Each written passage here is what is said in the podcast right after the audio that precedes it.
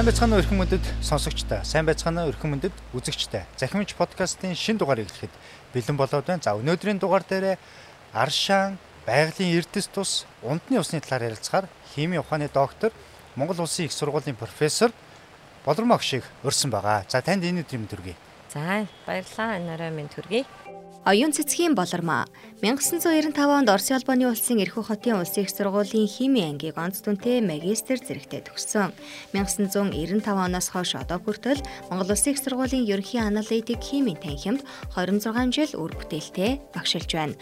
Түүний хувьд 2001 онд Орос улбаны улсын Эрхүүгийн улсын их сургуульд эрдмийн зэрэг хамгаалсан 2002-оос 2004 онуудад Японы Токиогийн технологийн их сургуульд ЮНЕСКОгийн зочин судлаач профессорын туслахаар ажиллаж байсан. Энэ хугацаанд хүрээлэн байгаа орчны бохирлыг тодорхойлох, хөрс усны элементийг тодорхойлох бүрэн ойлтын рентген флуоресценцийн аргын шинэ аргачлалуудыг боловсруулан олон улсын мэрэгжлийн импакт фактор бүхий сэтгүүлд 10 гаруй өгүүлэл хэвлүүлсэн. 2015 онд Монгол Улсын их сургуулийн дэд профессор, 2020 онд Монгол Улсын их сургуулийн профессор цол тус тус хүртсэн байна. Түүний судалгааны чиглэлийн хувьд хүрээлэн буй орчин ба хөрсний хим, метрохим, гүний ба гадаргын усны гидрохим, биологи объект буюу хүний үс хумсны эрдэсийн анализ, хүрээлэн буй орчны нөхөн сэргээлтийн чиглэлээр судалгаа хийж Монгол Улсын их сургуулийн химийн танхимд хүрээлэн буй орчны эрсдлийн үнэлгээ, химийн химжил зүй судалгааны багийг удирдах байна. Эрдэм шинжилгээ сургалтын 2 200 гаруй бүтээлтэй үүний дотроос 150 гаруй эрдэм шинжилгээний өгүүлэл бичиж дотоод гадаадын нэр хүнд бүхий мэрэгжлийн сэтгүүлүүдэд хэвлүүлсэн. За. За тэгэхээр хоёулангийн ярих гэж байгаа сэдв бол монголчуудын дунд их одоо дуртай одоо зүйл байгаа тий аршаан гэдэг зүйлийг бол монголчууд их бэлэгш яадаг дуртай байдаг эрүүл мэнд ангаах өвчтэй гэж одоо хүнддэгдэг. Тэгэхээр ер нь аршаан гэж одоо яг юу гэлээд нь бидний уудаг унтны уснаас ялгаатай юу?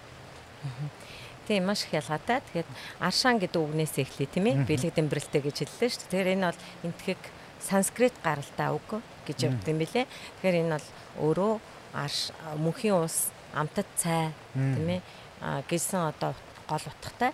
Тэгээ энэ аршаан гэдэг бол манад одоо байгалийн усны нэг төрөл үг нь бол а тэгтээ гүнээсээ гардаг. А тэгээд ангаах хувцастай. Өөрөөр хэлбэл яг шинжлэх ухааны нэр томьёогоор бол 1 литр усанд эрдэсийн хэмжээ бол 1 граммаас их. Аа тэгээд зарим үед одоо хүйтэн, зарим үед бол одоо 20-оос дээш градус байдаг. Ийм одоо усыг бол байгалийн усыг аршаан гэж үздэг. Энэ бол яагаад эрдэстэй байгаа гэхээр ангаах хувцастай байх нэ гэж ингэж үздэг. За тэгэхээр бол аршаан гэдэг бол нэгт бол нэг онцлог нь бол эрдсэн ягууламж өндөртэй байна. Халуун байдаг байх нь хүйтэн байдаг байх нь. Ингээд хэмжээний хувьд бол тийм байх нь.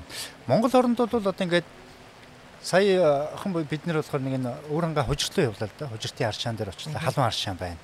За цаахантай нь хусны аршаан гэдээ бас байна. Тэндээс бол одоо хүүтэн аршаан, одоо илэгнийх, цөснийх, нойр булчирхах гэдэг эргэтэн эргэтнэр нь одоо ингээд сайн ингээд ийм аршаанууд гарч байна. Тэгэхээр Монгол оронд одоо яг энэ аршаануудыг судалсан судалгаа хэр байдаг юм бол одоо аймагуудаар нийтдээ Монгол оронд хэдэн одоо ийм аршаан байдаг юм бол.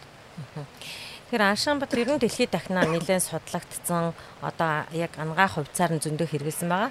А манай оронд болохоор мэдээж Оросын эрдэмтдээс эхлүүлээд ингээд нэлээд сайн судалсан. Одоо Аншааны судалгааны тайм одоо үйлчлэгийг наад үзэх юм бол нийтдээ 4 хуваадаг. Тэгээ 60-аад оноос хойдох одоо үеих бол дотор нь бас англиад ингээд авч утсан. Аа тэгэхээр нэртээ одоо ер нь маш ойрхны энэ Дорнод Сибирийн тэгээ ялангуяа Ирхүүгийн энэ эрдэмтэд манай үндсийн эрдэмтдтэй 1960-аад оноос хойш нэлийн идэвхтэй судалсан. Тэр дундаа одоо би онцолж хэлмээр юм л да. Писерский тий аа. Шпейзер. Аа тэгээд одоо манай үндсний эрдэмтэд бол Ариадаг, Намбар тийм ээ одоо Аршааны том том эрдэмтэд байна шүү дээ.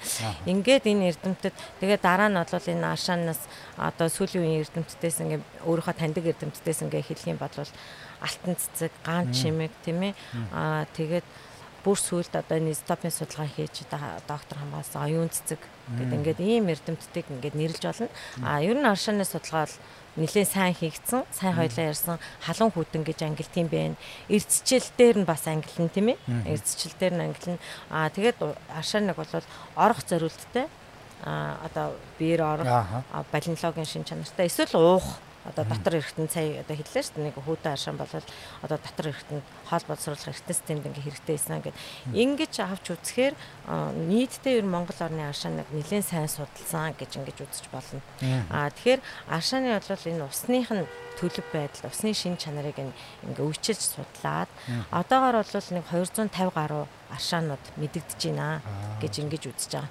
Тэгээд энэ одоо маш олон аршааныг хүмүүс хүн ард бол нэг эрүүл ахуйда ангаах хувьцыг нь хэрэглээд ингээд явж байгаа. Аа зөв зөв. Тэгэхээр сая бидэд нөгөө хустын аршаан гэдэг дээр очиод ингээд яг ундрагаас нь ингээд уухад янзын гоё хүүтэн бүр ингээд нэг юм нэг гоё мэдрэмж байгаа байхгүй. За тэгээд тэрнээс шилэн цавнд аваад явлаа. Авж очиод байрлсан газараа ингээд дууссан чинь одоо бүлээссэн болгооч тэр юм амтан шал өрөлдсөн. Тэр нөгөө над иржсэн мэдрэмж их өөр. Тэгээ монголчууд тэгдэг шүү дээ. Аршааныг яг тэр цэг дээр нь уух хэвээр. Тэнд нь очиод майхан бариад гэр бариад 7 хоног уух хэвээр, 14 хоног уух хэвээр гэдэг. Энэ цаана мөн одоо шин чанар нь юу байгаад нь яагаад ингэж яваад идэв юм бэ? Аха. Тэгээ одоо сонирхолтой энэ 9 сарын 10 хэднээс 20 доор одоо аршааны хамгийн их одоо ангаах өвдсөн бүрэн харуулдаг юм үе байгаа намар. Аа тэгээд энэ аршаан саяны хэлж байгаагаар аршаан бол өөрөө дотроо тэр эцэс гадна янз бүрийн хий агуулсан байгаа тийм ээ. Одоо янз бүрийн цацраг идэвхтэй элемент ялангуяа ради одоо радон уран эдрэг агуулсан байдаг. Тэгээ энэ биологийн идэвхт нийтлүүдийг агуулсан, хий агуулсан байгаа учраас энэ нөгөө саний хий магадгүй тийм ээ одоо уурших ч юм уу те бусад нэгдэл шилжээд тэгээд амт нь өөрчлөгдсөн байх боломжтой. Тэгээ нөгөө нийт ер нь аршаанууд Монгол орны аршааныг 3 их муж 8 дид мужид хувааж байгаа. Аа за. Тэгээд энэ бол одоо бас агуулгаар нь хувааж штэ тий. Тэгэхээр саний хийсэнчлэн одоо тэр биологийн идэвх нийтлүүдээс нь хамааруулаад ер нь аршааныг бол дандаа очиж хэрэглэдэг ороод уугаад тийм ээ. Аваад явсан одоо тэр технологи бол нийтдээ 40 хүртэл хоногийн дотор л одоо тэр аршаан бол аршааныхаа шин чанарыг хадгална гэж үздэг. Гэтэ энэ мэдээж яриг тусгай технологийн тусгай савлалтын дор хийгдсэн тохиолдолд ийм юм ярина. Тэгэхээр сая бол хоёлоо уудаг аршааны талаар халуун аршаанд бол яг ингээд биеэр орж байгаа шүү дээ тий ороод тэнд бол эрцэн агуулмж байгаа. Би тийм бас тэнд нь очиод орж үзлээ хаан хужиртлээд одоо аршаанд. Тэгэнгүүт халуун аршаанд нөгөө хужиртлын халуун аршаанд ч нэг 40 гаруй химийн одоо халуунтай юм биш 40-с 50 химийн халуунтай гэдэг юм байна. Яг баанд ороод мэдээж халж. Тэнгүү чин тэнд бол дулааны нөлөөгөөр одоо энэ захын цусны хялгсан суцууд хилж байгаа шүү дээ. Тэнгүүд яг ингээл аршаанд ороод янгууч нөгөө нэлээ ингээл гулгаал гэх юм одоо тий энэ арсан дээр хим тийм одоо толгор тийм мэдрэмж төрж байгаа нэгт. Тэгэхээр бол тэрүүгээр бол одоо капчаар суцууд хилээ тэрүүгээр эрсцүүдээ одоо нэвчүүлэх замаар авч ийн гэж би ойлгож байгаа. А хоёрт бол яг тэн дээр мэдгдсэн зүйл бол нэг тийм хөхрлөг үнэрүүд амар их сайн мэдэгддэг юм байл л дээ. Нүүр сүчлийн хийдэ, метантай тий а хөхөр тусдрагчтай юм байгаа шүү дээ оршаан чаа. Тэгэхээр нөгөө саний энэ гялгаар талгаар олгоод байна, нарс гэлтгэр олгоод байна гэдэг чинь нэгдүгürt эдгээртэй холбоотой, хоёрдугаарт бол бас одоо аршаан юм шүлтлэг тийм ээ байвал гидрокарбонат ихтэй байх юм бол энэ бас одоо гулгасан мэдрэмж бас төрнө. Тэгээ зөвлөдөө бас орж байгаа аршаан бол ялангуяа арсны өвчнүүдэд их хэрэгтэй тийм ээ. Аа тэгээд одоо арсаар дамжаад нөхөн сэргийх үйлчлэгээтэй ийм аршаанууд их байдаг. Тэгэхээр хоёул сая та бас гидрокарбонат гэж тэгж байна. Тэгэхээр бол энэ аршаанууд дээр эрдэсийн агуулмжууд донд нь хамгийн их нийтлэг их байдаг одоо элементүүд нь ямар элементүүд байдаг юм бол. Аха. Тэгэхээр нөгөө 1 литрд 1 граммаас их байгаа юмнуудыг л аршаан одоо эрдэсчилтэй, бага эрдэсчилтэй, дунд эрдэсчилтэй, их эрдэсчилтэй, бүр их эрдэсчилтэй гэд одоо 150-аас дээш байх юм бол их эрдэсчилтэй гэж яриад байдаг. Тэгэхээр энэ яг эрдэсчилт гэдэг дотор нь юу яриад байгаа юм бэ гэхээр саний тэр хлорид, гидрокарбонат гэдэг нааш CO3 гэсэн тийм. Тэгээ сульфат энэ анионууд гэж ярьдаг байхгүй хийм дээр. А бас одоо кальци, натрий, кали, магний гэсэн ийм ийм бүх одоо анион катионуудын нийлбэр. Тэгээ дээр нь микроэлементүүд тэгээ дээр нь хийнүүд.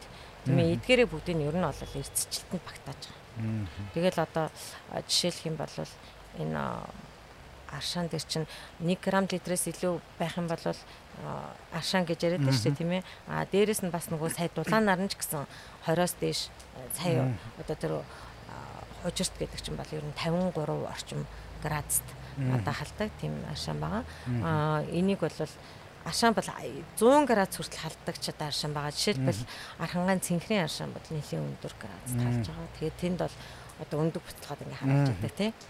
Тэгээд тэрийг одоо босод одоо цооногоор явж байгаад байнд ингээд тэгээд яг орох температур болгоод ингээд иргэдэд үйлчилдэг юм байна.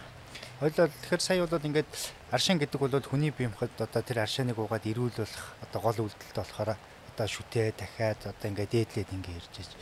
Тэгэхээр одоо ангаахан бол ер нь бол хүний биемхэд за хүүхэд бол одоо нэраа хүүхэд бол биеийн нийтчингийнх нь ер нь бол нэг 70 гараа 80% нь бол усан агуулмжтай усан орчинд байж идэг тий. А хүн хөгжрөх тусмаа биедх усны агуулмжаа алдчихэдэг. Тэр хүн бол бас усан мах бод тий нэг талаасаа. Нэг талаасаа а нөгөө талаасаа бас нөгөө Японы бас эрдэм том том эрдэмтдийн судалгаанууд байдаг шүү дээ нөгөө туршилтууд. Ус өөрөө мэдээлэл дамжуулаад идэг. Энэ талаас та бас гоё мэдээлэлүүд нэг өч. Энэ талаар одоо ус яаж мэдээлэл дамжуулаад. Тэгэхээр энэ манай одоо өв дээдсээс эхлүүлэл энэ одоо омог яриа бүх юм чинь бас ингээ энэ рүү хөтлөж штэ тийм ээ.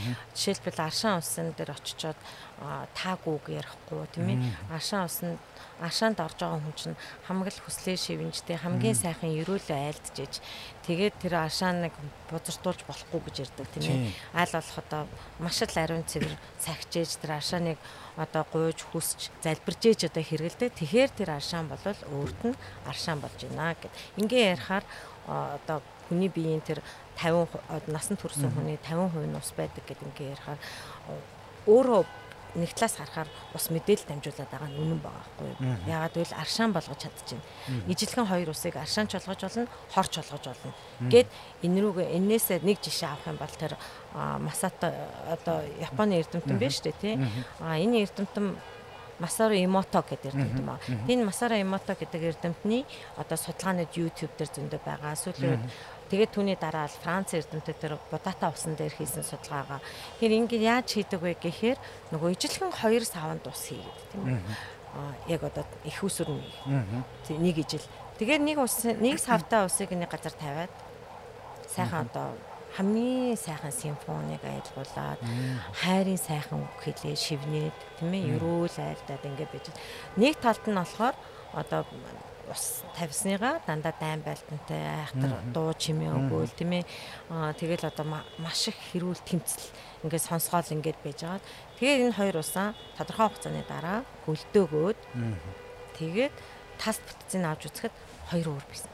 Яг тэгвэл нөгөө ерөөл одоо сайн сайхан байсан, сайн сайхан орчинд байсан ус бол тас бүтц алдаагүй маш гоёмсог одоо тас бүтцтэй байсан. А харин ерөөл айлдаг юм уу мухаа одоо шимсэн айхтар том одоо тесрэлттэй дуу чимээ аимшигын юмнууд сонсгосон газрын ус бол тас бүтц маш замбраагүй болсон ийм бичиглэлүүд одоо интернетэд байнга байдаг. Тэгэхээр өмнөөс үдээд бол ер нь ус өөрөө мэдээлэл дамжуулдаг. Хүн өөрөө бас дандаа ерөөл айлдаад тийм ээ сайн сайхан байх юм бол сайн сайхан байна. А ер нь одоо бас муу мухай зүйл бодоол тий. Тэгэл ах юм бол аяндаа өөрөө хөгшрүүл тийм ээ. Одоо царай зүс ч гэсэн гунддаг гэж одоо монголчууд ярьдаг штеп. Тэгэхээр энэ бас энэтэй холбоотой нэгдүгээр хоёрдугаарт бодвол мэдээж яриг бас бусад өөр фактор байгаа ш.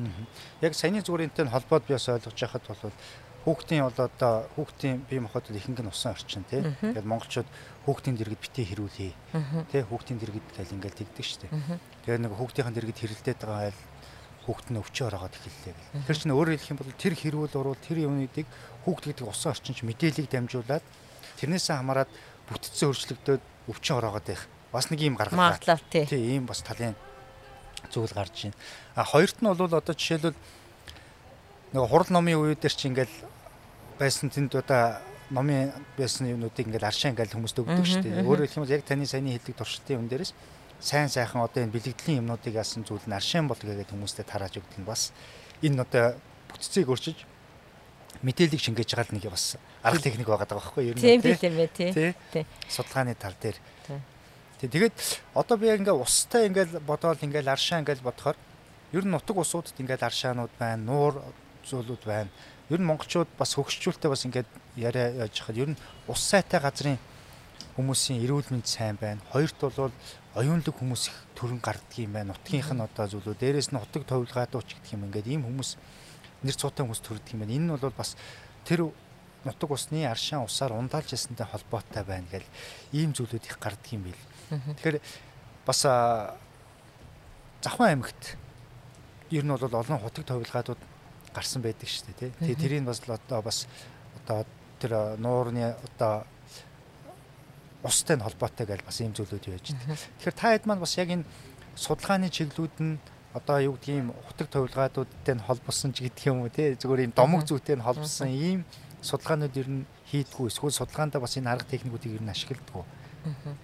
Тэгэхээр нөгөө байгалийн ус гэдэг маань одоо яг одоо хими ухаанаар тийм ээ бидний одоо энэ судалж байгаа энэ ус судлал болохоор гидрохим гэсэн салбар байхгүй.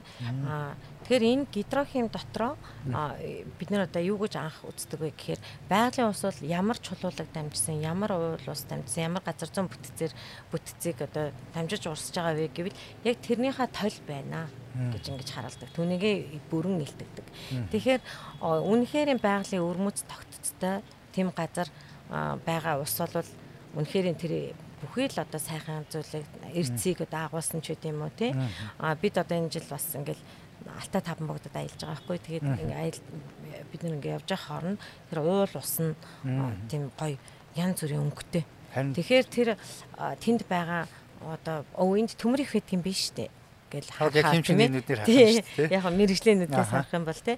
Тэгээд ингээл зарим газар ууын торон байгаа та гэл ингэх юм уу.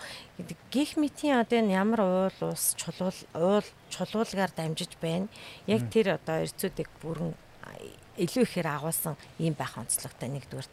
Тэгээд нөгөө бүр хитрхи баг тийм ээ эрдцэлтэй байвал бас бацийн салцанд муу нөлөөтэй биохим оруулыг явуулж чадахгүй шүү дээ. Жишээлбэл дандаа л одоо цасны ус угаал үлдсэн бол бас хэцүү тийм ээ энэ эрдэсийн дутагдалд орох магадлал өндөртэй. Өндөр уул одоо өндөр ууларх газар байгаа эрдэсгүй ус уудаг хүмүүс бас байна.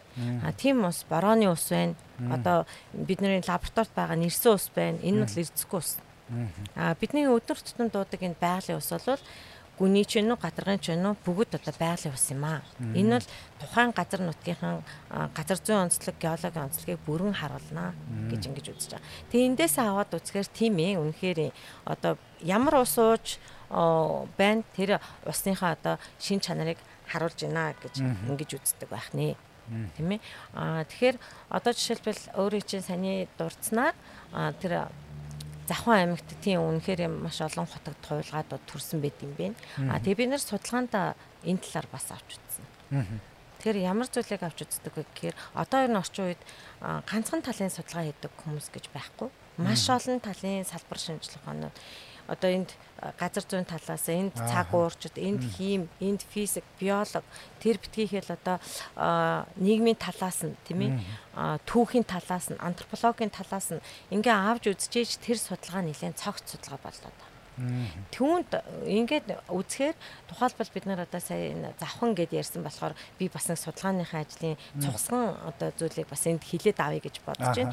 Бид нар одоо 2015 онд дэлхийд бас их ховор нуур манай Монгол улсад байгааг олж тогтоосон. Тэгээ яагаад энд дурдах болсон бэ гэхээр тэр нуурыг ингээд судлах юм бол тэр нуур бусад бүх одоо гол мөрөө нуур бол хоорондоо холилддог. А гэтэл үл холилддог нуур олж авах юм бол хойд мөсөн талааг судалж байгаатай адилхан. Өөрөөр хэлбэл тэр үл холилдно гэхээр тодорхой нэг үе давхаргууд нь өрөөсөө эзэж холилдоогүй тийм нуур байх юм байна. Тэгэхээр тэр бүр тэр холилдохгүй байгаагийн доор байгаа нь 10 мянган жил 20 мянган жилийн өмнө одоо ер нь энэ газар нутагт юу болж исэн бэ гэдгийг харуулна.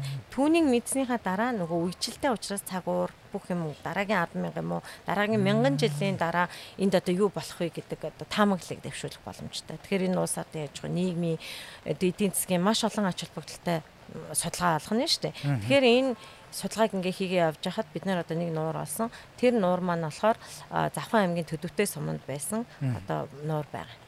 Тэгээд түүнийг очол ойгон нуур гэж нэрлсэн байх юм л таа. Ойгон нуур гэж байд юм билээ. Тэр ойгон нуурыг судалж явах цаны одоо таны ярьсан юм би нөгөө жишээ болгож ярих гэдэг байхгүй. Тэгэхээр бид зөвхөн одоо химийн талаас нь судлаагүй тий түүний бактери тэгээд эрдэс бүх химийг ингээд авч үзээд а ингээд судалгаас гадна а тэн дотроо бол бас одоо тэр үйл холилддог тэр ёроолын одоо хурдас гэж ярьж байна тий.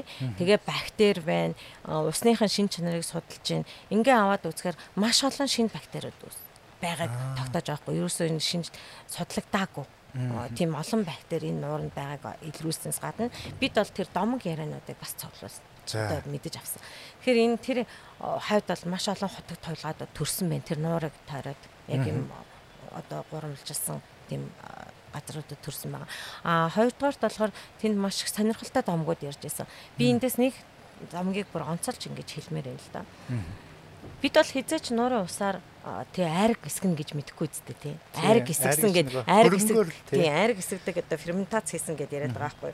Тэгээ энэ ягаад ийм юм байгаа юм бэ гэд ингээ асуусан чинь тэр нутгийн настайчууд энэ домгийг ярьж өгсөн. Нуурандаа очиод бид нэр одоо ингээд гуйгаад одоо аргас гэсэн юм аа гэд гуйдаг гэж штэ ойгоо хатын ижим та одоо ингээд уснасаа хайрлана.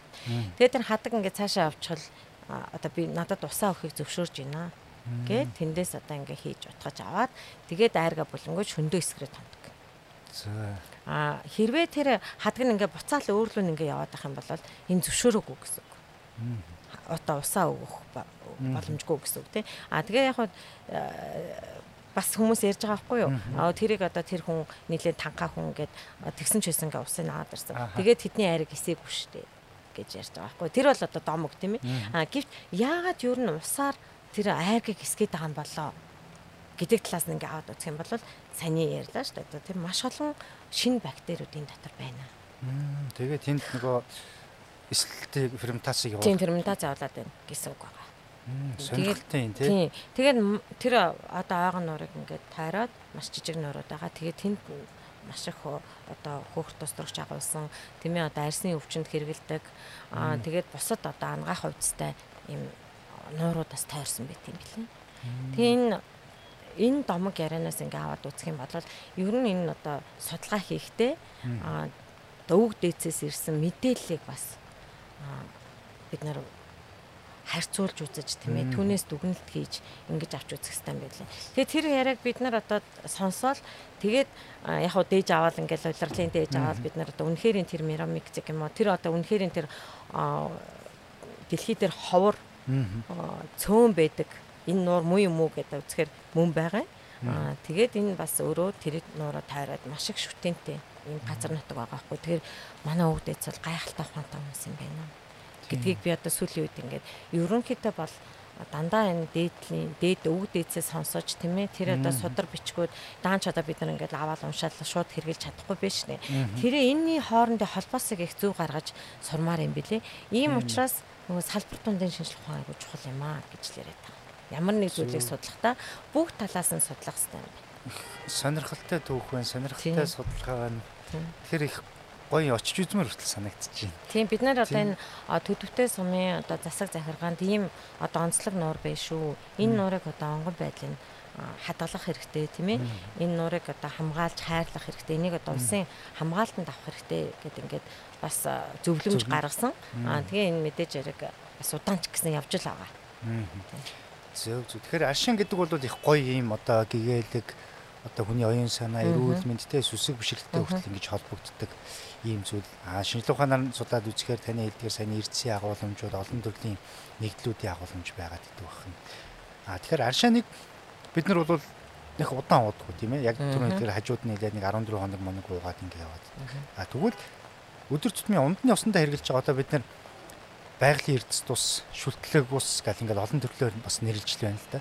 Эднэр аршаанаас ялгаа нь юу вэ? Тэгэхээр одоо эрдэс тус гэдэг нэг шинэ нэр томьёо гаргаж ирээд яриад байгаа байхгүй. Тэгэхээр нөгөө байгалийн ус чинь сая хоёлаа ярьлаа. Тэр нь эрдэс агуулт юм байна. Ер нь л эрдэстэй юм биш үү? Ааш хоёр оол биш байна. Нэмэлтээр юм байгаад юм тий. Аа гэтэл тэр одоо яагаад ийм савлгаатай ийм ус ингээд эрдчүүлсэн ус гээл зарим нь эсвэл одоо цэвэршүүлсэн ус гээл одоо янз бүрийн нэр томьёо хэрэглээд ингээд гаргаад байгаа юм бэ гэхээр аа одоо бидний энэ их суурьшмал ийм байдалд орохоор юу яаж байгаа ус маань өөрөө ямар хоолоогоор дамжиж орж иж байгаагаас хамааруулаад бас одоо бохирдсан байна уу тийм ээ. Зарим нэг одоо жишээлбэл хоолоо ингээд зэвтэй байх юм бол яах нь төмөр ихтэй байх юм. Ийм ус угаалах юм бол мэдээж бас одоо хоол боловсруулах хэрэгтэй системд нөлөөлнө, бацин сэлцаанд нөлөөлнө гэдэг юм уу тий. Ийм байгаа учраас сүүлийн энэ одоо нэлээд суурин амьдралын нөхцөлд бол энэ эрдэстэй ус савлсан ус, цэвэршүүлсэн ус эдэр гэж ингээд гадаад дотоодод нэлийн их бизнес цэцгэлж байгаа гэсэн үг. Тэгэхээр ийм усанд бол мэдээж манад стандарт гэж байгаа. Ийм усанд Монгол улсад баримталдаг стандарт гэж байгаа. А яг зүгээр одоо бас жоохон шүмжэлтэй хандах юм бол тэр стандартыг л тавьсан байгаа боловч тухайн усыг одоо би аваад ууж байгаа яг хэрэглэгч авч хэрэглэж байгаа үед тэр усны чанар ямар байгааг мэдэхгүй шүү дээ бид нар. Ягаад гэвэл энэ хадгалал, тээвэрлэлт тийм ээ. Одоо хэрэглэгчд эртэл бас л олон зам туулна. Тэгээд тэр хугацаанд одоо тэр ямар нэгэн чанар өөрчлөгдөж байгааг бол бас ус муудаж байгааг хэлхийн аргагүй л дээ. Тийм би одоо ингэж ойлгоод за үйлдвэрлэгч одоо юу гэдгийг яг стандартын дагуу усаа үйлдвэрлэлээ. Тээвэрлэлээ, хадгаллаа, эцсийн дүндээ хэрэглэгчдэр өртөлж бас дахиад зам туулж байгаа шүү дээ. Энэ одоо логистикийн зүйл дээр бас алдаа гараад ийн удаа гэж хараад байгаа. Тэр тусмаа бол 100 одоо ингээд одоо яг Улаанбаатар хотын иргэд бол мэдэндээ барцхан яг энэ хажуугаар ингээд яг зам дагуу одоо хувцар савтаа ус ундааг ингээд ингээд бөөм бөөнөр нүрцэн байж дээ. Ирээл нөгөө бөөнийхэн цэг дээр хурааж зам тавьчаал явдаг. Тэгэл өдөржингөө одоо нарны тусгалд бол байж идэг. Тэгээ би нэг удаа сонирхож үзээд гадны судалгаа эднэр харахад бол энэ хувцар савтай одоо савлгаанд ус хэрвээ нарны тусгал халууны дулааны нөлөөгөөр удаан хугацаанд байх юм бол тэндээс одоо хими одоо нэгдлүүд бол ус руугаа одоо нэвчж ордгоо гэсэн юм судалгаанууд нь хийсэн судалгаанууд бол бас байгаад байгаа байхгүй. Тэгэхээр бол тэнд өдөржингөө халуун байгаад идэг. Яг хэрэглэгчдэр очисон чинь одоо сайхан хөргүүрт авчирсан. Тэгвэл тэнд хими ямар нэгэн одоо нэгдэл одоо тийшээ өвчөөд орцсон байхыг үүсэхгүй байгаа байхгүй. Тэгэхээр бол энэ хүнсний аюулгүй байдал гэдэг чинь ганцхан үйлдвэрлэлээд байгаа зүйл бол биш. Тэн дундах одоо логистикийн асуудлуудаар бас их анхаарах хэрэгтэй байна л гэж хараад байгаа. Тий. Нэгдүгээрт энэ байгаа нэ. Жишээлбэл одоо өөрөө тань хэлснээр сая бол ингээд халуун байсан гэж ярьж штэ тий. А гэтэл одоо ямар нэгэн нарны тусгалын нөлөө удаан ингээд нөлөөллөөр ямар нэг одоо органик нэгдэл усан чилжих Тэр нь одоо хортой нөлөө үзүүлэх. А тухайлбал бас хөлдөөгөө хайчдаг тий. Усыг хөлдөөчдөг. Тэгээ буцаагаад ингээ гисгэждэг. Гих мэтийн одоо энэ усны чанарт нөлөөсөн асуудлууд бол яалтчгүй тавигдаад байна л да. Тэгэхээр бид нар одоо савлгаатай усанд бас бүр шууд найдаад энэ бол хамгийн чухал гоё ус сууж байгаа шүү дээ гэх биш бас шүмжлэлтэй хандах хэрэгтэй. А дээрэс нь усны чанараас гадна энэ савлгаанд их анхаарах хэрэгтэй. А савлгаа бол зарим тохиолдолд бол чанарын стандартад одоо нийцэхгүй ч гэдэм үү тийм ээ ийм савлгаатай уснууд байж болно. А эсвэл одоо ер нь за бид нар одоо савлгаатай усныг орхилоо гэж бодох юм бол би энэ дэр бас нэг юм хэлмээр байгаа байхгүй хөдөөч гэдэг юм уу тийм ээ бусад одоо нийтээр хэрэгжилж байгаа сав сулга бол бас өнөөдөр анхаарал татаад байгаа. Усыг хадгалж байгаа сав маань өөрөө стандартын зориултын сав байна уугүй юу. Энэ өөрөө хавдар үүсгэгчтэй юм биш байгаа тийм ээ хавдар үүсгэгч үүсгээд идэг юм биш байгаа да. Яагаад гэвэл одоо янз бүрийн техникийн зориулттай тосны савнуудыг зах зээл дээр маш хямдхан зарж байгаа. Тэгээ энэ орж ирж байгаа энэ бүх хунцар савнуудын 97% нь хятадаас оруулж ийн гэж байгаа мэдээлэл байгаа байхгүй. Тэгэхээр энэ савнуудын учрыг сайн олж зөв хэрэглэх зөв савнда усаа хадгалах эн чинь бас нэлээд чухал асуудал. Тэгээ энэ одоо усны энэ чанарын асуудал, усны аюулгүй байдал дээр бол бас анхаарах нэг өнцгөөс нь харах юм бол энэ чухал асуудал болчиход байна. Тийм байна. Гэртээ ингээд умдны усаа хадгалах зүйл дээр хүртэл бас анхаарах хэрэгтэй. Иргэний өөрийнх нь бас ухамсарын асуудал, бас хэрэглээний асуудлууд бол байгаад байна тий. Тэгээ энэ бол их чухал байна. Тэгээд хоёлоо сая ингээд сайхан аршааны талаараа бас ярилцлаа. Эрдэс усны талаар ярьж гин, ундны усны талаар ярьж гин. Одоо яг таны энэ бас урд байж байгаа Монгол орны ундны усанд уран гэсэн ийм бас судалгаа байна. Тэгэхээр хоёлаа бас яг энэ судалгааны тал руугаа орё. Одоо энэ уран гэхэр би бол бас а жоохон тийм одоо юу гэдгийг имэйлттэй ч гэдэг юм уу те нөгөө шар нундаг гээл одоо хөвлөөр яваал улс төрж яваал ингээл зөндөл том асуудлууд үүсчихсэн шүү дээ. Нэг нэг нүргөө бүр хүртэл айлгаа шар нундаг өнгийн юм цацаал те. Тэгэхээр тэрийг бол уран гэдэг байгаа шүү дээ. Тэгэхээр энэ ундны усан дотор уран гэж судлаа гэхээр бас надад бол бас жоохон сонирхолтой л байна. Тэ сонирхолтой юм шиг амар ч юм шиг. Тий, уран буюу одоо уран бол өөрөө цацраг идэвхтэй нэг талаасаа цацраг идэвхт элемент нөгөө талаасаа бол химийн талаас харах юм бол хоруу чанартай хүнд металл гэж гэж ингэж одоо тооцогддог. Тэгэхээр энэ судалгааг хийх хийх болсон үндсэн шалтгаануудаас нь би бас жоохон цогцсон дурдчихъя гэж бодож байна. Тэгэхээр 2000 одоо 2000-ад оны 2006 7 оны үед бид нар би бол Японд судалгаа хийжсэн юм байна. Тэгээ эндээс нөө бороогийн голоос бас аваад тийм ээ. Ер нь одоо борооч гэхгүй бусад одоо энэ алт толборлж исэн тухайн үед алт толборлж исэн газрууд тийм уснаас одоо дээж аваад тэгээд очиод Японд шинжилгээ хийж байгаа хгүй нэлээд өндөр мэдрэмжтэй багжаар шинжилгээ хийхэд ургаан тодорхойлогдчихсэн. Тэгээд тухайн үед манай багш бас хэлжлээсэн л да. За ингээ уран ер нь танад их байт юм биш үү? Уран албарлаад одоо та бол маш их баян хүн байх юм биш тэгээд одоо шоглож байсан л да хошин хошгонжсэн. Тэгээд энэ нэрэл их сони юм уран их илэрдэм биш тэгээд орхисон байсан чинь. Дараа нь би одоо бас Америкийн нэг эрдэмтэнтэй уулзах уулзсан чинь одоо танаа Монгол орны энэ ундны усанд одоо хотын ундны усанд хурааныг тодорхойлсон говьд ч ундны усанд бас уран тодорхойлсон. Америкээс хүн судлаач ярьж байгаа хгүй. Тэгээ та та нар бол одоо энийг тодорхойлохгүй л дээ. Одоо чадахгүй маш хэцүү шттэ гэд ингээд ингүүд яг хиймч аналитикч хүний хувьд бол энэ нэг сонирхолтой санагдсан. Тийм учраас одоо би физикч одоо хүмүүс профессор Цааху багш тандаад тэгээд Цааху багш өө тгий цөмөрөө ингээд нийлээд энэ урааныг одоо судлаад үзье л та. Уран бол ийм тал физикийн талаас бол ийм гэд ингээд яриад тэгээ бид одоо судалгааныхаа багаар анх одоо судалгаагаа эхэлжсэн. Тэгээ анхны судалгааны одоо тэр төслүүдийг бол төслөөс бол цөмийн энергийн комиссийн дарга багтаал тэгшээр одоо санаач одоо санхүүжилтийг нь гаргаад бид нарт тэгээд анхны судалгаагаа эхлүүлж илаа бид нар.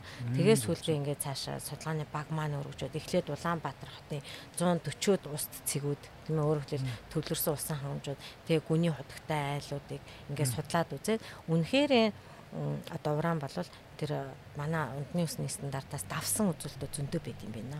Тийм учраас бид эхлээд Улаанбаатар хоттой энэ ундны усны чанар тэгээд тэнд дундаа мэдээж ундны усны чанарыг бол байнга хянажсэн. А гэвч бидний судалгаа бол юун дээр төвлөрсөн бэ гэвэл энэ уран байна уугүй юу? Уран ер нь хэдийн хэмжээтэй байгаа юм бэ? Ер нь байх ёстой. Энэ одоо яг бага хэмжээгээр ер нь байж нь одоо өөрөөр хэлбэл 1 литрт 30 мг-аас илүүгүйгээр байна гэж байгаа байхгүй юу? Одоо 30 pp би тийм одоо агуулмжтай байна гэж байгаа байхгүй. Тэгэхээр энэ стандартын дагуу энийг ингээд шалгаад үзэхээр стандартаас давсан өөрөөр хэлбэл ундны усанд тэр хэмжээ нь ихсэн гэдэг бол хортой үзүүлнэ шүү дээ. Тэгэхээр ийм уст цэгүүд байж идэм юм. За энэ юутай холбогдолтой юм бэ гэдэг ингээд тухайн үед бид нар геологч чулуунгаатай холбогдоод энэ хуучин одоо Улаанбаатар хотод тийм ээ цацрагийн судалгаа хөрсөнд цацрагийн судалгаанаас ингээ аваад үзэх юм бол тэн дагаа тэр урааны хөрсөнд хураануудтай бидний усанд хураан тодорхойлсон мужууд бол ижилхэн давхцсан давхцж байна тий. Тийм нэлийн давхцал байсан. Тэгээ эндээс үүдээд бидний сонирхол одоо цаашаа байна. За энэ Улаанбаатар хотод ийм бид юм бол ер нь одоо цаашлаад одоо аймагуудаар ямар байд юм бол Монгол улс даяараа ер нь ямар байд юм бэ гэдэг талаас нь судалгаа өргөжүүлээд ингээд нийтдээ 10 жилийн судалгаа явагдаад өнөөдөр бол одоо 21 аймаг 304 сум тийм ээ 1000 гаруй одоо ус цэцгүүдээс дээж аваад аа тэгээд ингээд том баг ажилласан л да энд бол мэрэгжлийн хяналтын газар ч одоо бид нарт тусалсан геологийн төв лабораторид үндсэн анализуудаа хийлгсэн. За ингээд нэлийн одоо хүч олон байгууллагууд хамтарч ажиллаад Монгол Улсын их сургууль одоо үндсэн баг нь физикч хэмжид ажиллаад тэг ингээ ажиллаад ингээд өнөөдөр бид нэр ямар үр дүн гаргаж ирж байгаа гэхээр Монгол оронд тийм ээ ер нь урааны тархалт ер нь ундны усанд урааны тархалт нь ямар хөө байгаа юм бэ? Хаана хаана уран ихтэй байгаа юм бэ? Аа урд одоо илрүүлсэн геологчд илрүүлсэн тэр орд газруудаас гадна өшөө бас орд илэрч байгаа юм байна гэдгийг таамаглаж гаргаж ирэхээр болохоор байна. Аа дээрэс нь бид нар одоо энэ нэг сэдвтэ бүтээл гаргалаа. Энэ ажлаараа бол нэлээд хэдэн магистр, бакалавр тэгээ одоо энэ ажлаар доктор хамгаалсан. Ийм одоо судалгааны ажил. Хэлээ. Одоо манай тэгшээр бол физикийн ухааны докторын хамгаалсан яг энэ сэдвэр том судалгаа байна. Тийм нэлээд том одоо нэг далаацтай. Тэгтээ манай одоо багийн ахлагч цаахуу багш бол ярьдаг л да энийг нэг өрөм зөөхийг л ирлээ шүү. Аа тэгээ бусад маш олон судалгааны асуудлууд өмнө нь тавигдж байна. Маш олон талын судалгаанууд. Ийм учраас бид энэ судалгааныхаа үндсэн дээр зөвлөмж гаргасан. Аа зөв. Энэ зөвлөмжийг бол одоо үндэсний аюулгүй байдлын газар тийм ээ засгийн газар одоо эрүүл мэндийн яам аа тэгээ мэрэгжлийн хяналтын газар тийм ээ эрдэм шинжилгээний байгууллагууд аа тэгээ одоо засаг захиргааны нэгжүүдэд зориулсан юм том нэлийн их агуулга ихтэй ийм зөвлөмжүүдийг гаргасан байгаа. Тэгэхээр та сая хэллээ шүү дээ. Монгол орны 304 сум 1004 ус цэг гэсэн үү? 1000 гаруй ус. А 1000 гаруй ус цэгээс авсан юм байна. Эндээс ер нь хэдэн хувьд нь яг энэ одоо дэлхийн эрүүл мэндийн байгууллагаас тавигддаг хүлцэх хэмжээнээс дээгүүр гарав. Тэг ер нь бол 80 гаруй цэг дээр 80 гаруй одоо ус цэгээс авсан дээжнүүдэд ураны агуулга 3-аас 10 дахин их.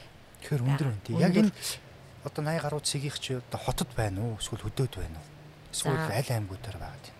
За яг хөө тэгээ одоо ингээд бүр нарийн ингээд би өнөөдөр бол подкастаар дурдмааргүй байна. Энэ зөвлөмжтөр бол мэдээж бүгд байгаа. Таймлаад хэлэх юм бол одоо доорнд тийм ээ Сүхбаатар, Дорн говь, Дунд говь гэсэн энэ аймагуудын одоо хид хідэн нэлээд хитэн сумдуудад энэ уран бодол агуулга өндөртэй байна. Унтны ус шүү дээ. Тийм, зүүн болон говийн аймагуудад бол унтны усанд хурааны агуулга харьцангуй өндөр байгаа нь одоо тогтоогдлоо. Тийм учраас ийм одоо газруудад байгаа одоо худгийн усыг тийм ээ яаж хэрэглэх талаар бид нар зөвлөмж өгсөн байгаа. Энийг шүүх эсвэл одоо хаах боломж байдаг бол хааж хэрэглэх тийм ээ. Ийм хаах одоо ийм хүртэл 3-аас 10 гэхэр ч юм бол их өндөр биш үү? Тэгэхээр чи энэ ундны ус гэж байгаа болохоор эн чинь ямар одоо юу гэдгийг сардаа нэг хэрэгэлдэг, удирдаа нэг хэрэгэлдэг зүйл биш шүү дээ. Өдөр болгон хэрэгжилж байгаа. Тэгээ өдөр болгон уран хүний бие махбодд орно гэдэг чинь чинь гадагшлахгүй шүү дээ. Тий хоримтлагдана тий. Ингээд хоримтлагдаад урт хугацаанд хоримтлагдаад ах юм бол олон өвчний суурь тэнд дундаа хор тавдрын одоо бас нэг суурь ер нь бол тогтоогдсон зүйл шүү дээ. Одоо цэцэрх гэдэг бодсууд. Тэгэхээр энэ дээр та хэд маань бас сая зөвлөмж өглөө гэж та тэгж штэ. Энэ энэ өндөр гарсан газруудыг шүү эсвэл зарим нь хаах хэрэгтэй байна шүү гэдэг. Тийм ер нь бол уран өөрөө ундны усанд байнга хэрэглээд ингээд тогтмол хэрэглээд байх юм бол хоригдлагдана. Энэ бөөрөнд тархинд мэдрэлийн систем ингээд нөлөөлөөд хор тавдар уус гэдэг ийм аюултай болохын айл хэдийн тогтооцсон байна. Тэгэхээр ийм газруудыг одоо эрүүл мэндийн яам маань анхаарал таваад урааны эрсдлийн үнэлгээ хийх хэрэгтэй. Аймаг сумдуудаар нь тийм үү? Яг тэр одоо уран ихтэй байгаа газрыг бид нар тогтоогод өчлөө шүү дээ. Аа тэгээд одоо засгийн газарт ч гэсэн энэ яг энэ уран ихтэй газруудын энэ усны ус хангамжийн асуудлыг бас шийдэхэд одоо улсын төсөвт бас төсөө мөнгө одоо суулгаж өгөх хэрэгтэй наа. Аа мэрэгжлийн байгууллагууд мэрэгжлийн хяналтын байгууллагууд бол энийг бас ерөөсөө нус цэцгүүдийг байнга хянаж мониторинг судалгаа цаашд бас хийж явах хэрэгтэй. Ялангуяа энэ усны чанарын асуудлыг ингээ хяндаг үзүүлэлтүүд байгаа хгүй. Тэн дотор урааныг одоо нэмж өгвөл их сайн байна гэсэн зөвлөмж өгсөн байна. А усны чанар дээр урааныг үздэггүй байсан. Үздэггүй байсан тийм. Одоо Улаанбаатар хотын дүүргүүдээс ч гэдэг юм ойр бүс орчимд энэ таны сая 80 гаруй цэгээс өндөр гарсан гэдэгт нь тийм юу байгаа юу цэгүүд Улаанбаатар хоттой ойр. Улаанбаатарт харьцангуй бид нар одоо төвлөрсөн усан хамж гэж ярих юм бол энэ байр орон сууцд байгаа айлууд бол ямар ч айхаа ил байхгүй. Уран бол маш цэвэр сайхан ус ууж байгаа бид нар. Аа гэвч одоо ингээ өөртөө гаргаж авсан тий гар гар гаргаж авсан худгуудад бол байгаа. Аа ялангуяа одоо жишээлбэл харан уул дүүрэгтэй тийм ээ. Аа юунд байна арж амчвлан, өвөрж амчвлан тэгээ багхангаа дүүргүүдэд бас одоо хайрцангуй жоохон урааны агуулга их өндөртэй байсныг гаргаж ирсэн. Тэгээ бид нэр хэрэг хүсэх юм бол иргэд байна уу? Одоо ямар нэгэн байгууллага биднээс энэ судалгааг бол авч болно. Энэ нэгэнтээ нөгөө гарын авлага гарцсан. Тийм ээ өөрөглөл одоо нэг сэдвэт бүтээл нь гарцсан. Зураглал гарцсан. Ийм байгаа учраас бид энийг бол нийтэд одоо түгээн дэлгэрүүлэх үүрэгтэй Тийм байна. Тэгэхгүй бол хүн өөрөө мэдэхгүй шүү дээ. Иргэн хүн би ураантай ус өдөр болгон уугаад ийн гэдгийг тэгээ хүч хэмжээнээс нь өндөр уугаад ийн гэдгийг иргэн хүн мэдэхгүй. За та хэд бол судалгааны одоо бүтээлээрээ ийм ийм биш үү энэ эрсдэлтэй биш үү гэдгийг одоо тогтоогоо гаргаад ирлээ. Мэргэжлийн байгууллагууд, төрийн байгууллагууд руу санал зөвлөмжөө явуулчлаа. Одоо харин төрийн байгууллагууд нь энэ дээр нь маш хурдтай арга хэмжээ аваад хаахыг хаагаад цэвэршүүлэхин цэвэршүүлж арга хэмжээ авахгүй иргэд маань ингээд бас өндөр урааны агуулмжтай ус уугаад байвал энийг мэдэхгүй ингэж явсаар байгаад хор тавдар үсэдэх бас нэг шалтгаан биш шүү дээ. Тий. Тэгээ бид нар энэ ажлыг одоо нэг 10 гараад 10-аад жил одоо хийлээ гэж ярьж байна тийм ээ. Тийм тий энэ бол одоо маш хэцүү явагдсан заримдаа одоо өөрсдийнхөө мөнгөөр ч одоо хийжсэн юм судалгаа шүү дээ.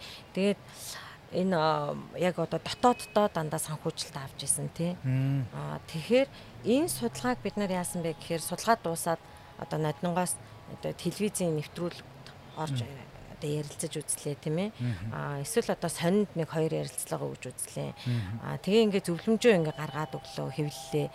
Аа тэгээ энийг бол ер нь жоохон нэлээд одоо улс суурьтай хилцүүлэг маягаар цааш нь үргэлжлүүлэх хэрэгтэй. Би бас өнөөдөр үнэхээр одоо бас баярлж байна. Яагад бол энэ хүмүүст хүргэх мэдээлэл болж өгч чадна энэ Яагадвал бид ер нь хаана ураантаа усуугаад байгаа юм бэ? За энэ дээр одоо энэ подкастн дээр тодорхой гарч ирсэнгүй. Манай сум ер нь ямар байгаа юм болоо? тийм ээ. Манай одоо дүүрэг ямар байгаа юм болоо? Миний хэрглэж байгаа ус ер нь унтны ус ямар байгаа юм бэ гэвэл бид нар л одоо хандж болно Монгол Улсын их сургууль руу. Одоо хандаад энэ одоо энэ материалыг алж авах зөвлөмжийг олж авах. Ийм бүрэн нээлттэй эн чинь угаасаа үндсэн хуулийн заагдсан байна шүү дээ. Эрүүл амьдрах хэрэгтэй. Тийм тэгээд иргэд өөрсдөө нэгэ мэдэж аваад хэрэгтэй. Иргэдийн одоо нийтийн хурлаараа дамжуулаад тэр төрийн байгууллагууд руу гайгаад үнэхээр эрсдэлтэй ийм эрүүл мэнд эрсдэлтэй зүйл байгуул энийг төртөө шаардлагын тавиулж хагаад тэр шүүлгэх зарим нь одоо зөвөрийн ихч байдаг юм өөр асуудлаар шийдэх эрхтэй байна л да. Тэгэхгүй бол ингээл тай зөвлөмжийг гаргачаад идэг төрийн байгууллага бусад газрууд нь арга хэмжээ авахгүй энэ судалгааны одоо үр өгөөж үр дүн тий тэрний дараа гарах зүйл чинь ингээд цаас болоод өөрчлөлж болохгүй шүү дээ тий тий одоо ингээд бид нар олон улсын одоо сэтгүүлүүдэд тийм ээ мэдээлж гин үр дүнгээ ингээд илтгэж гин энэ бол бид нар одоо хийж байгаа нэг ажил. А дээрэс нь энэ дотроо зөвлөмж гаргаж гин. А нэг сэдвүүтэй зохиол одоо бүтээл гаргаж гин тийм ээ. За ингээд чадхаараа одоо ингээд яриа явж байгаа. Тэгээ манад бол нөгөө шинжилгээ ухааны байгууллага тэгээ эрдэм шинжилгээний ер нь үр дүнгуудыг шууд нэвтрүүлэх тэгээ эрдэмтдээ сонсох бол бас л одоо асуудалтай шүү дээ. Асуудалтай. Тэгээ тэрийг сонслоо гэж бодоход тэгээ орхичдаг. Энэгээр ингээд дөрвтөө анхаарал тавиад одоо тийм ээ хаана юу бэнмэ гэдэг талаас нь ер нь айгу бага анхаардаг. Тэгээ цаашид бол энийг бас одоо өнөөдрийн энэ подкастыг сонсоод ч гэсэн мэрэгжлийн хүмүүс нь бид нар руу хандаасай. Тийм ээ. Энэ одоо уран гэдэг асуудал. Тэгээ одоо сая өнөөдөр ингээл бүгд ярьж байна тийм уран бид нар олборлох хэрэггүй. Тэгээ урааныг урааны асуудал одоо маш их тойрж ирж гэж хуучин одоо уран байсан уран олборлж байсан газруудад өнөөдөр уран байна уу гэхэл усанд нь уран байж л байсан тийм ээ. Одоо тэнд уран олборлох гэж байгаа газар унтны усанд нь уран байна уу гэхээр байж л байгаа За тэгээ ер нь цаашид бид яах вэ гэхээр бид одоо энэ өнөөдрийн энэ подкастаар би одоо ингээд детальчилж бүгдийг ярих хойлонд нь цаг бол байхгүй. Гэхдээ ийм судалгаа хийцэн шүү, тийм ээ. Ийм одоо мэдээлэл байна шүү. Ийм зөвлөмж одоо гарчлаа. Тэгээд манад ийм ийм салбарын хүмүүс нь хэрглэж болохоор одоо үндсэн мэдээллүүд үндсэн одоо гарын авлага бол байгаа шүү. Цааш нь үргэлжлүүлээд төрөл бүрээд одоо чинь ус цэвэршүүлэх гэж байгаа технологитой хүн бол хаана хаана одоо энэ ус цэвэрлэх цэвэршүүлэх шаардлагатай вэ гэхэд л бидний энэ судалгаа одоо үнэтэй материал болдог шүү дээ. Тийм байна. Тэгээд наа чи их том судалгаа байна. 10 гаруй жил явсан байна. Улс үндэсний хэмжээнд хийгдсэн судалгаа байна.